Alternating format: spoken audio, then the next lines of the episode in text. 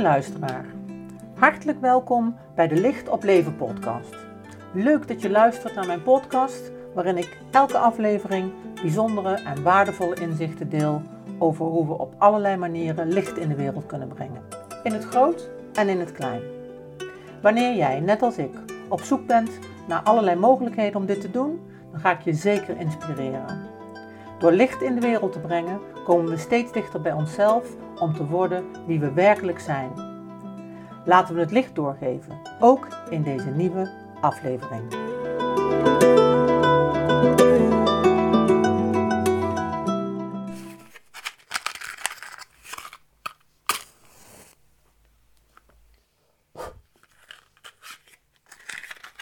Goed, lieve mensen, dit is weer een uh, nieuwe aflevering van de podcast uh, Licht op Leven. En uh, we hebben een hele bijzondere aflevering deze keer, want naast mij zit Elke Donker. En wij zullen samen binnenkort de zesdaagse overleven gaan geven. En dat is een bijzondere zesdaagse cursus die speciaal is gericht op weduwouders. Um, nou, Naast mij Elke. Elke, misschien wil je iets over jezelf vertellen? Nou, fijn dat ik hier mag zijn. Um, ja, ik ben Elke en om met de deur in huis te vallen, weduwouder. Een woord wat uh, Karen en ik bedacht hebben. Omdat het wel uh, een, duidelijke, snelle beschrijving geeft van wat er aan de hand is. Namelijk, mijn partner is overleden en uh, in ons geval is er één dochter. Uh, er is dus een gezin, wij zijn beide ouder en nu ben ik een weduwouder. Um, nou ja, ik ben 55 jaar oud en mijn dochter is 28 inmiddels. Zij was, uh, zij, ja, zij was tien maanden toen haar vader, mijn man, overleed. En hij had hersentumoren en is in een tijdsbestek van vijf, zes weken dat we die diagnose kregen, is hij, is hij overleden. En ik bleef achter met mijn dochtertje. En van daaruit ook het belang om specifiek voor deze doelgroep uh, iets ja. te betekenen. Ja.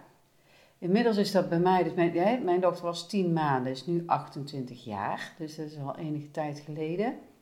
En in, dat, in al die jaren daartussen um, heb ik dus gemerkt hoe ontzettend ingrijpend het is en uh, waar, waarmee ik dus allemaal geconfronteerd werd als weduwouder. En dat is zoveel meer dan het rouwproces wat er natuurlijk na het verlies komt. Uh, en het feit dat ik dan één ouder ben.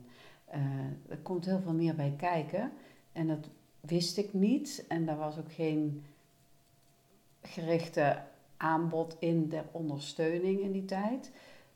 Uh, en ik voel heel erg de noodzaak en de, uh, de bijdrage die het kan leveren als daar wel ondersteuning voor is. Vandaar dat ik uh, mijn ervaringen en nog steeds hoor, de, de belevingen en de studies die ik daar ook naar gedaan heb, ja, dat ik daar graag een bijdrage in wil leveren voor mensen die het ook overkomt. Ja, misschien uh, goed om uh, te, te zeggen hè, dat jij uh, met Karin Hezakkers, jullie zijn eigenlijk begonnen allebei als ervaringsdeskundigen om die cursus op te zetten. En even voor de luisteraar van mijn podcast. ik ben gevraagd door Elke om de rol van Karin de eerste cursuscyclus over te nemen, omdat zij in een ziekteproces zit, vrij ingrijpend. Dus ik heb het voorrecht om samen met Elke dat te mogen gaan doen. En wij nemen Karin daar ook in mee. en voor mij is het een bijzondere vraag en ik doe het ook met heel veel liefde. omdat degenen die mij iets beter kennen dat natuurlijk wel weten. Ik leef samen met Marjan en Marjan is ook weduwe na de zelfdoding van haar partner. En we hebben samen drie kinderen. Die zijn oorspronkelijk van Marie en Marjan, maar inmiddels zijn ze, van, zijn ze ook van mij. En uh, dus ik heb vanaf het begin af aan heel dicht op zo'n proces uh, gezeten en daar heel nauw bij betrokken geweest. Dus uh, ja, de affiniteit die is groot daarmee en ik hoop de bijdrage ook. Dus ik vind het een bijzondere kans die we gaan doen. Mm -hmm. Hè? Zeker. Ja. Mooi hoe we elkaar ook ontmoet hebben en dat er meteen zo'n, eh, ja, dat het klopte, zo'n gevoel van, hé, hey, hey, er is een verbinding tussen ons. Ja, ja. ja. Waar verjaardag gewoon niet goed voor zijn, hè? Ja, precies. Oké, ehm, nou de achtergrond hebben we natuurlijk een beetje besproken, hè, van waaruit uh, de, de, het belang komt van, de, van deze zesdaagse. Uh, maar misschien is het ook goed om Elke als je iets vertelt over de opbouw van de zesdaagse. Nou, ik wil nog wel meer vertellen eigenlijk over hoe het tot stand is gekomen. Oké. Want ehm, ja, bij het overlijden van Henry, zo heet mijn man, overleden man, ehm, daar is het natuurlijk begonnen, het weduwouderschap. de reis daarna heb ik veel in die zin alleen gedaan. Bij mij was er geen partner naast mij, zoals jij wel met Marjan bent. Ehm, en nu heb ik een partner bij mij uh, die zelf ook is. Zijn vrouw is overleden ook aan zelfdoding en hij heeft drie kinderen. Het is super fijn dat ik, uh, dat ik de liefde weer vond. En ik heb ook weer gevoeld zo, hoe ontzettend ingrijpend dat is in de dynamiek tussen mij en mijn dochter Julia. Ehm, daar zitten de loyaliteiten onderling die wij hebben gevormd nadat Henry is overleden. Uh, en hoe wenselijk ook, was het ook heel pijnlijk om die verandering door te gaan. En, en is het nog steeds moeilijk soms. Uh, en dat heeft opnieuw weer zo duidelijk gemaakt: oh, ik wil hier echt iets mee. Dus Julia die was ontzettend verdrietig om het feit dat wij gingen samenwonen. Niet zozeer dat ze mij dat niet gunde, maar dat er van alles in haar onduidelijk was, pijnlijk was, wat ze niet kon duiden. En dat bracht heel veel spanning tussen ons. We hebben elkaar daarover uh, nou, uitgebreid ook gesproken toen we samen een week op een camping zaten ergens in Friesland of Groningen. En daar ontmoeten we toevalligerwijs een andere weduwouder. Een jonge moeder met twee kleine kindjes. En Julia die, die heeft gekeken met hele andere ogen naar die vrouw. En ze zag mij als moeder met haar als klein kindje. En zij is toen ook extra haar gaan ondersteunen. Van, goh, eh, weet je, stuur die kinderen maar naar mij toe. Dan ga ik wel lekker met ze zwemmen. Heb jij ook even tijd voor jezelf? En we hebben ook met die moeder veel gesproken, die heel nieuwsgierig was. Nou, hoe is het nu met jullie dan, na al die jaren? Hè? Hoe, hoe, hoe hebben jullie dat gedaan? Ook voor Julia, hoe kijk je terug op je jeugd? En het was zo'n enorme, rijke ontmoeting. Bijzonder, ja. Ja, wat voor mij nog een extra duw in de rug was van, ah, dit is zo van belang om hiermee de wereld iets te geven, zullen we maar zeggen. Mm. Grote woorden, maar... Uh, mm. um, en dat maakte dat ik in ieder geval die wens ging uitspreken. En toen kwam een ander weer uh, die mij linkte aan Karin. En uh, Karin heb ik dus eigenlijk via iemand ontmoet, elkaar niet kennend, zijn we gewoon gaan praten samen. Zij is ook weduwouder, heeft drie kinderen. En um, daarop voorbedurend zijn we verder, hè, het bouwend met elkaar, dit vorm gaan geven. We zijn al bijna anderhalf jaar daarmee bezig, een, een, jaar en een kwart. Uh, daarmee elkaar ook voedend en uh, ons eigen proces ook daarmee weer opnieuw aan het lopen en aan het, van alle kanten aan het beleven. En dat is zo ontzettend rijk. Het is een werkelijke uitwisseling. Daar zie ik echt ook de meerwaarde van. Het is, uh, ja, jullie hebben daarbij ook heel duidelijk gekozen voor uh, het systemisch werken. Hè? Kun je daar iets over zeggen? Ja, ja we hebben allebei uh, een achtergrond daar ook in. Ehm, in, in die zin in opleidingen. Um, kan daar iets over zeggen, zeker. Ik, ik werk er veel mee. Inmiddels beleef ik het leven ook veel breder. Uh, dus ik kan wel iets vertellen over systemisch werk, want ik weet niet of jij er op je pod podcast al eerder... Ik heb er wel iets over gezegd, uh, over het veld ook heb ik het vaak, hè, wat, uh, ja. maar specifiek over systemisch werken en deze manier is denk ik goed om er even iets over te zeggen. Ja, ja, ja.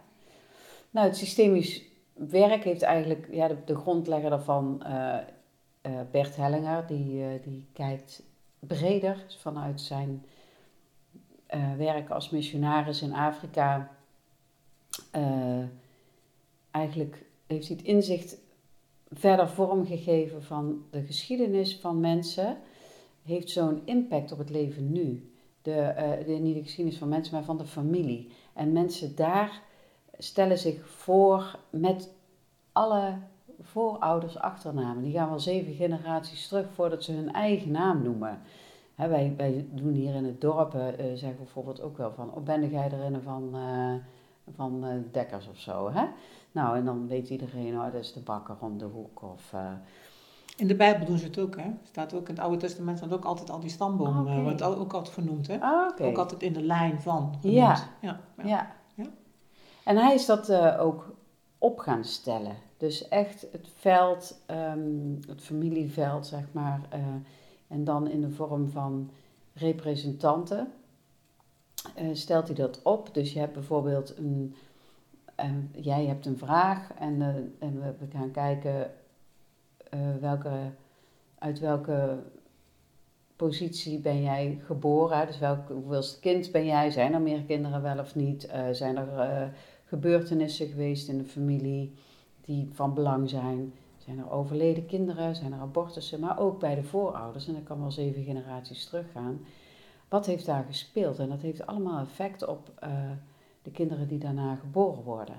Dus zijn er bijvoorbeeld oorlogtrauma's, zijn er mensen buitengesloten, of zijn er gebeurtenissen, noem maar op. Dat, um, uh, Bert Hellinger heeft al ontdekt van nou, het systeem, in dit geval het familiesysteem, uh, kent drie principes. Dus uh, geven en nemen, dat is echt een, een heel belangrijk principe. Uh, dus de ordening. Dus eerst komt de grootvader om maar daar te beginnen, en dan de vader, en dan het kind, en dan het kleinkind. Hè. Dus die volgorde, die is zo. Uh, komt daar een kink in de kabel, dan gaat het balans, uh, het systeem daar zelf weer een balans in vinden. Uh, en alles en iedereen hoort erbij. Dus als er bijvoorbeeld vroeger een kindje geboren werd en die overleed kort na de geboorte, dan was het vroeger zo van nou, die werd dan weggehaald bij moeder en afgevoerd. Vaak wisten mensen niet eens waarheen.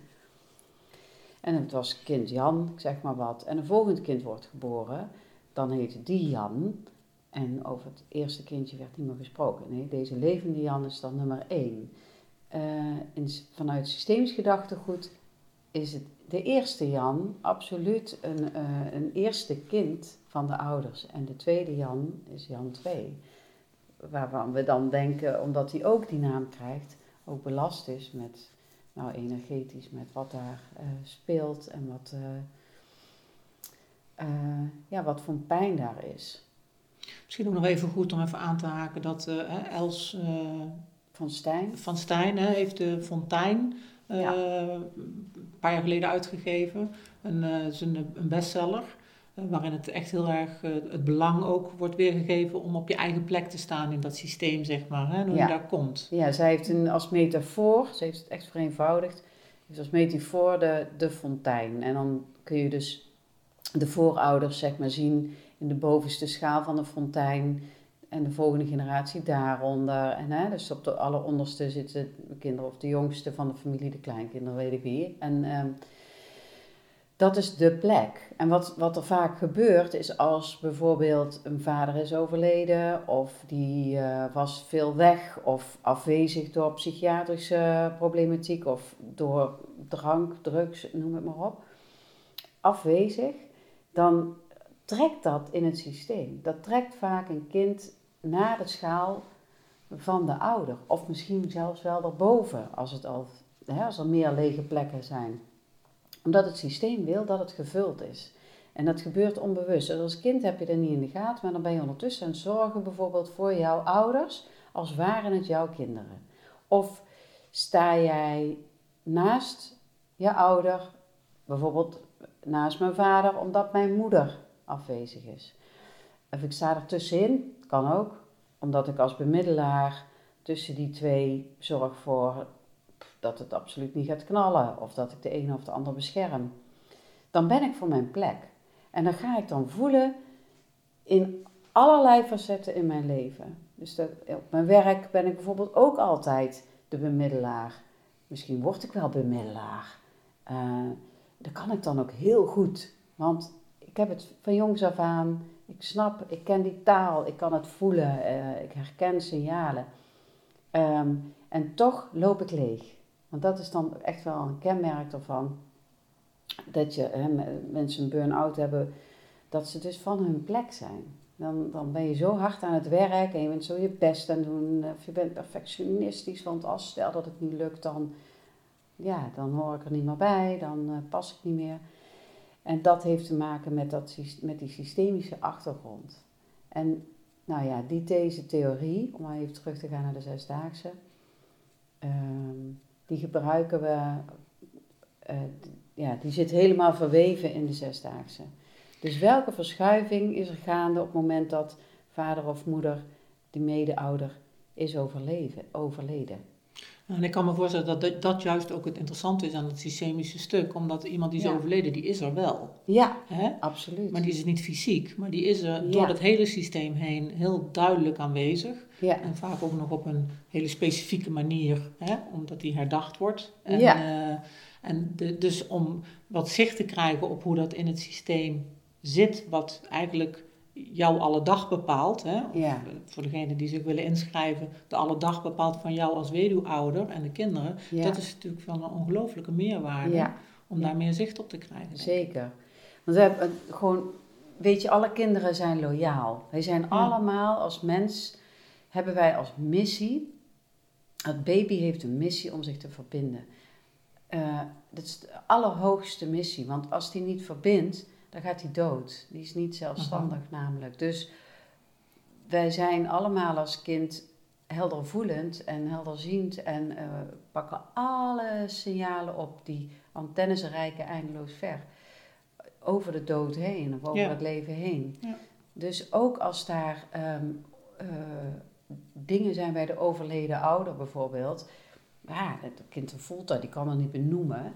Maar die is daar wel mee verbonden. Mhm. Maar ook met de ouder die overblijft. Dus die heeft heel veel verdriet of, of ehm, eh, die is zwaar belast omdat er ineens zoveel taken op de schouders liggen.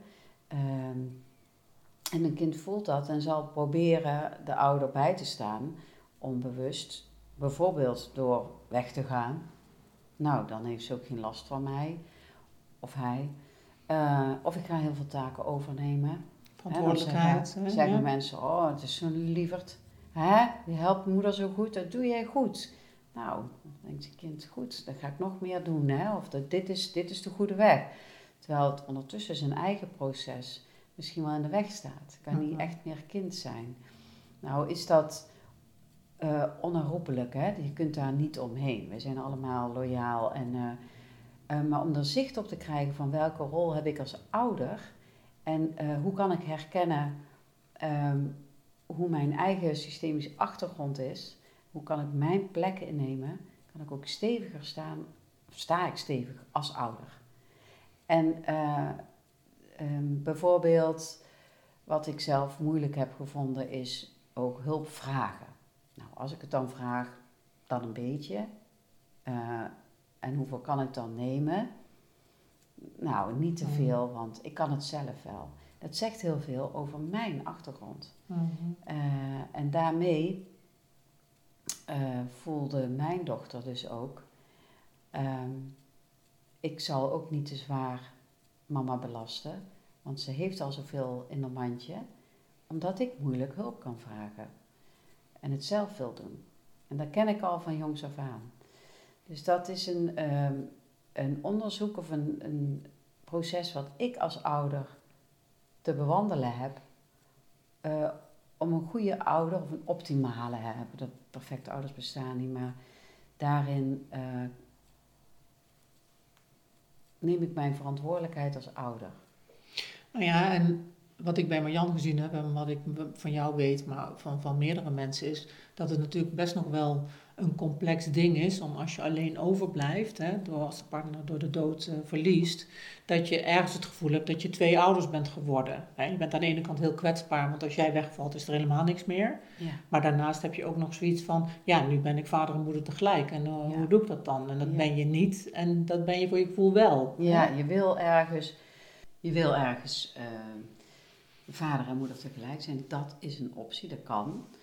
Eh, en dat heeft met je achtergrond ook te maken. Hè? Van, eh, dat je dan ook de plek van de ander invulling wil geven. Dan ben je van je eigen plek af. Op het moment, ja, er zijn ook Of en en, hè, dat kan natuurlijk ook, toch? ja, zeker. Nee, er zijn allerlei mogelijkheden. Eh, er zijn ook ouders die gaan helemaal weg. Die willen er helemaal niet zijn. Dus die willen ehm, en geen vader en geen moeder zijn als ze het alleen moeten doen. En hoe bedoel je dan? Die gaan helemaal weg? Eh, nou, er zijn ouders die eh, bijvoorbeeld verdwijnen in het gebruik van eh, drank of drugs. Of nou, een lief krijgen en de verbinding met de kinderen minimaliseren of helemaal verbreken.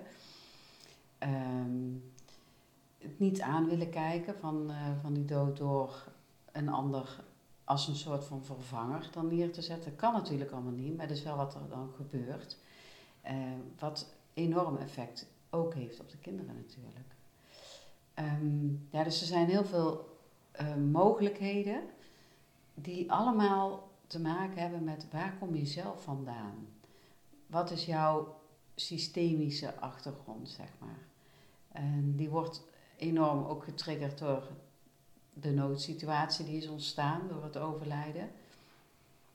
Of dat nou plotseling is of geleidelijk aan is gegaan, maar je bent toch in een soort overlevingsstand eh, die nog eens extra zichtbaar maakt en voelbaar maakt voor de kinderen van hier is iets, iets gaande. Ja, ik zeg nou noodtoestand, maar het is ook als er geen paniek is. Hè? Dus het is voelbaar in alle fijne finesses voor de kinderen. Voor ons ook. Wij zijn ook kinderen. Hè? Maar door er bewust bij stil te staan, even soms los te gaan van alledaagse beslommeringen. eh, en eh, samen dus in deze zesdaagse te kijken van hé, hey, waar staat iedereen in mijn gezin? Eh, hoe sta ik ten opzichte van mijn oudste kind, mijn enige kind, mijn overleden partner, mijn tweede kind, mijn derde kind, de familie van de overleden partner, mijn familie, waar is die? Komt er heel veel informatie naar boven, waar ook eh, de mogelijkheden liggen om eh, invloed te hebben. Ja, dat is natuurlijk het interessante. Hè? Ja. Ja. Ja. Mhm. Ja. Ja, waarmee ik dus nogmaals wil benadrukken, ehm, perfectie of eh, ja, oplossingen. ehm, in die zin van, nou, dus zijn er geen verdriet of is er geen loyaliteit of, of spanningen, dat bestaat niet. Hè? Het is het omgaan ermee. Het zichtbaar maken en daarmee ermee omgaan, hè, Ja. denk ik. Hè? Ja. En inzicht te kunnen krijgen en het, door het delen van de verhalen met anderen natuurlijk. Ook, hè? Zeker. En de herkenbaarheid van dingen lijkt me heel waardevol. Ja, ja, door in spiegels te kijken zien we Mhm. natuurlijk ook heel veel. Ja. En is het ook heel prettig om te voelen van, ik ben niet alleen. Mhm. Ah, of hé, oh, heb jij daar zo meegemaakt? En dit heb ik meegemaakt. En ja, dat uitwisselen erover. Hè. We hadden een paar weken terug eh, de, de kennismakingsmiddag. Ja, en dan ja. merkte dat ook in. Hè, van, Ik eh, vond het ook heel bijzonder dat één iemand zei, eh, toen er in groepjes gewerkt werd, zo van, nou eindelijk iemand die het gewoon niet zielig vindt en die het niet, hè, die er gewoon mee kan dealen, die gewoon echt wil weten hoe het zit, ja, zonder dat daar dat moeilijke verhaal hè, van op Ja. het erg voor je en dit en dat. Hè. ja, ja. Nou, dus dat, dat, die gelijkwaardigheid in het lotgenoten zijn. Precies. Hè? Ja, ja, ja, en zij zei ook zo, dat vond ik heel mooi, van... Oh, en ik kon zo lachen ook. Ja, en ja, en, en ja. trots en blij zijn op ons gezin. Eh, zonder dat er gezegd werd, oh, maar dan ben je nu kwijt. Ze zei, ik kon echt voluit weer voelen van...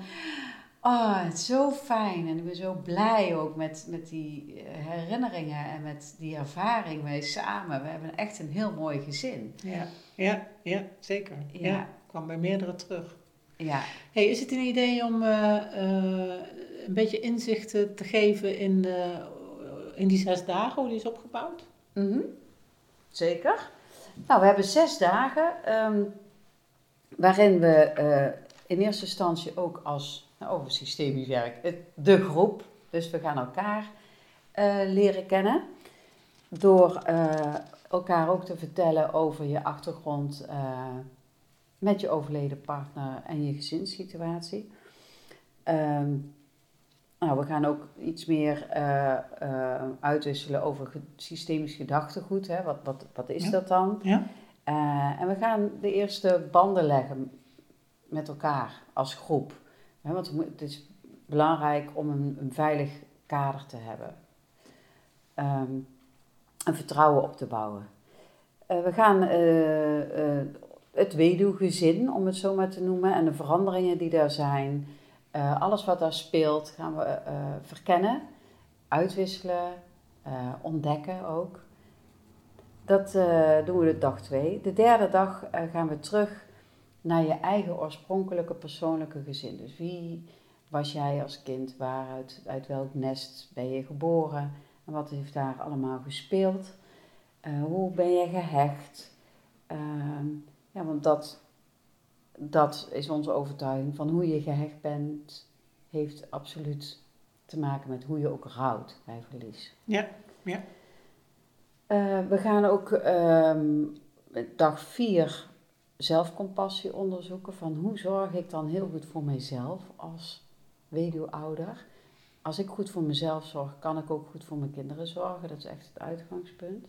Ja. Nou, hoe doe je dat dan? Hoe kun je balans houden? Dus die, die dag gaat echt over diegene zelf. Dag 5 gaan we kijken naar eh, balans tussen geven en nemen. Dus hè, wat ik net ook al aangaf, van ehm, hoe vraag jij hulp dan? Maar hoe kun je hem ook ontvangen? Ehm, misschien leg je onbewust wel een vraag bij je kinderen. Hoe herken je dat dan, dat je dat eigenlijk doet? De laatste dag gaat over eh, afscheid nemen en over betekenis geven. Dat doen we als groep met elkaar. Ehm daar gaan we ook ontdekken van ehm, hoe, hoe- ja, hoe, hoe neem jij dan afscheid? Hoe is loslaten? Ehm, kijk ook naar rituelen en de betekenis van, van, van het loslaten. Eh, en we nemen afscheid van elkaar. Ja. Het mooie is in de zesdaagse ook dat daar eh, zullen we in ieder geval in faciliteren dat mensen elkaar kunnen ontmoeten. Tussentijd zijn er ook een soort van eh, eh, opdrachtjes. Hè? Dat klinkt dan heel schools, maar om te herkennen in de praktijk, in je leven, in het dagelijks leven van datgene wat we in die dagen doen. Hoe herken ik dat? Eh, en dat je ook andere eh, mede zesdaagse gangers, zeg maar, ehm, gaat opzoeken tussentijds om daarover uit te wisselen. Eh, en we hopen dan dat je ook naderhand elkaar kunt vinden als het daarover gaat. Mooi. Ja. Ja. En we zijn ons ervan bewust, het is in zes dagen natuurlijk nog steeds heel beperkt. Eh, we- er zijn al onderwerpen, zoals bijvoorbeeld, en dan komt er een nieuwe liefde in je leven en je gaat samenwonen, bijvoorbeeld. Hè. Wat doet dat dan? Nou, er zijn al eh, vervolgdagen, zeg maar, in, de, in, in voorbereiding om daarna ook weer mee verder te gaan. Ja, wat ik eh, heb gezien hè, van de cursus, want ik, ik stap natuurlijk in. Eh, dus ik heb gekeken welk programma er al ligt. En dan vind ik dat er een hele prachtige opbouw zit eh, in die zes dagen. Waarin de, de basisdingen waar je mee te maken hebt, had, maar ook hebt, ook nog, Ja. hè, als het al langer geleden is. Dat dat Zeker. eigenlijk gewoon helemaal niet zoveel uitmaakt voor de waarde hè, die Nee. het heeft. Of je nou kort geleden weduwe-weduwnaar bent geworden. Of het is langer geleden. Die, ik, vond die, ik vind dat heel, Ja. heel, ook wel heel bijzonder van dat systemisch werken. Hè, Ja. dat, dat, dat dat daarin eigenlijk niet uitmaakt. Nee, nee. De waarde. Nou, ik vind nee, de waarde absoluut niet. En eh, ehm, ik denk dat in de groepsdynamiek van deze zesdaagse het heel gaaf is, juist dat er mensen bij zijn die al langer weduwouder zijn en mensen die korter weduwouder zijn. Dat zagen we ook hè, in, in nou ja, onze ervaringen. Dat ehm, die, degene die al langer weduwouder is ook een voorbeeld kan zijn voor degene die nog pas weduwouder is. En die kan horen van, oh, ja, oh, dus daar, en daar kan ik dan ook naartoe bewegen. Dat, dat is ja, mogelijk ook een optie voor mij. Of hey, dat geeft hoop of uh, herkenning. Uh, en we zagen ook bij degene die juist al langer weduwouder is van, oh, oh, nou herken ik bij jou thema's die je nu aangeeft, of jouw emotie die ik zie of gevoel, van, oh, die heb ik nog helemaal niet zo, zo veel aangekeken. Daar ben ik misschien wel aan voorbij gegaan. Dus dat, die uitwisseling was juist ook heel bekrachtigend naar elkaar. Um, ja, dat geldt natuurlijk ook voor opvoedingsvragen. Hè. Dat was ook ja. uh, heel gelijk duidelijk in die, eh, in die dag, die middag die we hadden. Ja. Hè, waarin uh, ouders ineens alleen staan met kinderen die in de puberteit raken of zijn. Ja. En ja, hoe doe je dat dan? En uh, hoe ga je om met alcohol? Hoe ga je om met dat soort praktische dingen die ook heel duidelijk, uit, ja, heel mooi uitgewisseld werden eigenlijk. Hè? Ja. Ja, dat is denk ik een goed punt om, hè, om de vraag te stellen van voor wie is de zesdaagse geschikt? Want je hebt natuurlijk allerlei verschillende soorten situaties. Hè? Je hebt mensen die komen alleen te staan als het gaat over de dood met een lang ziekbed. Uh, mensen die uh, overvallen worden door de dood. Uh, zelfdoding. Er zijn natuurlijk allerlei verschillende achtergronden. Ja. ja, zo verschillend als relaties ook zijn. Zo verschillend zijn ook de eventuele deelnemers voor deze zesdaagse. je kunt gelukkig getrouwd zijn, een latrelatie hebben uh, elkaar uh, misschien helemaal niet samen de opvoeding hebben gedaan. Maar toch ben je allebei ouder van kind of kinderen. Uh, allerlei seksuele achtergronden of... als je alleen bent. Als je alleen bent, ja. er is toch... ja, dus al die verschillende manieren van ouders... Of vormen van ouderschap, zeg maar, die, ja, die zijn geschikt voor deze zesdaagse. Dus een heel breed uh, ja, heel breed. Ja, heel breed. nou, dat denk ik ook dat het zo is. Dat er voor heel veel mensen plek is en dat het echt uh, van onschatbare waarde is uh, om op die manier te gaan kijken. En zeker blijf ik het bijzonder vinden dat ook toch het idee geboren is uit het gemis van ervaringsdeskundigheid, hè, zou ik ja. maar zeggen. Dus jullie hebben dit ontwikkeld echt op basis van, nou ja, wij zijn ervoor komen te staan en wat hadden wij nog graag gehad willen hebben. Nou, ik denk dat dat een heel een super uitgangspunt is. Ja. En uh, ja, zoals ik het uh, zie, ik heb er ontzettend veel zin in om het te gaan geven. En zin is dan een beetje een gek woord natuurlijk, maar ik denk dat het van ongelooflijk veel waarde kan zijn uh, wat we in die zes dagen gaan doen. En, ja. nou, ben je geïnteresseerd, dan kun je natuurlijk altijd contact opnemen met mij. Hè? De, de, je kent de riedel op het einde. Maar ik ga je dan wellicht toch doorverwijzen naar Elke. En we zetten hieronder de podcast eventjes haar uh, link met haar telefoonnummer en uh, de e-mail. en dan kun je altijd contact opnemen met een van ons om te kijken of het iets voor je is of om je op te geven. alle informatie staat ook tevens op de site, zowel op die van de site van Elke als wel op, op mijn site. Dus als je iets wil weten, dan kun je altijd overal terecht. Elke, dankjewel voor dit mooie gesprek.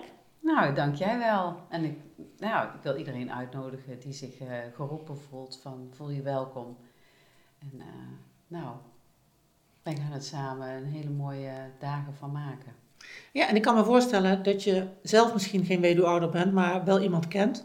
Ja. dus nou, uh, tip die vooral kan zeker heel waardevol zijn.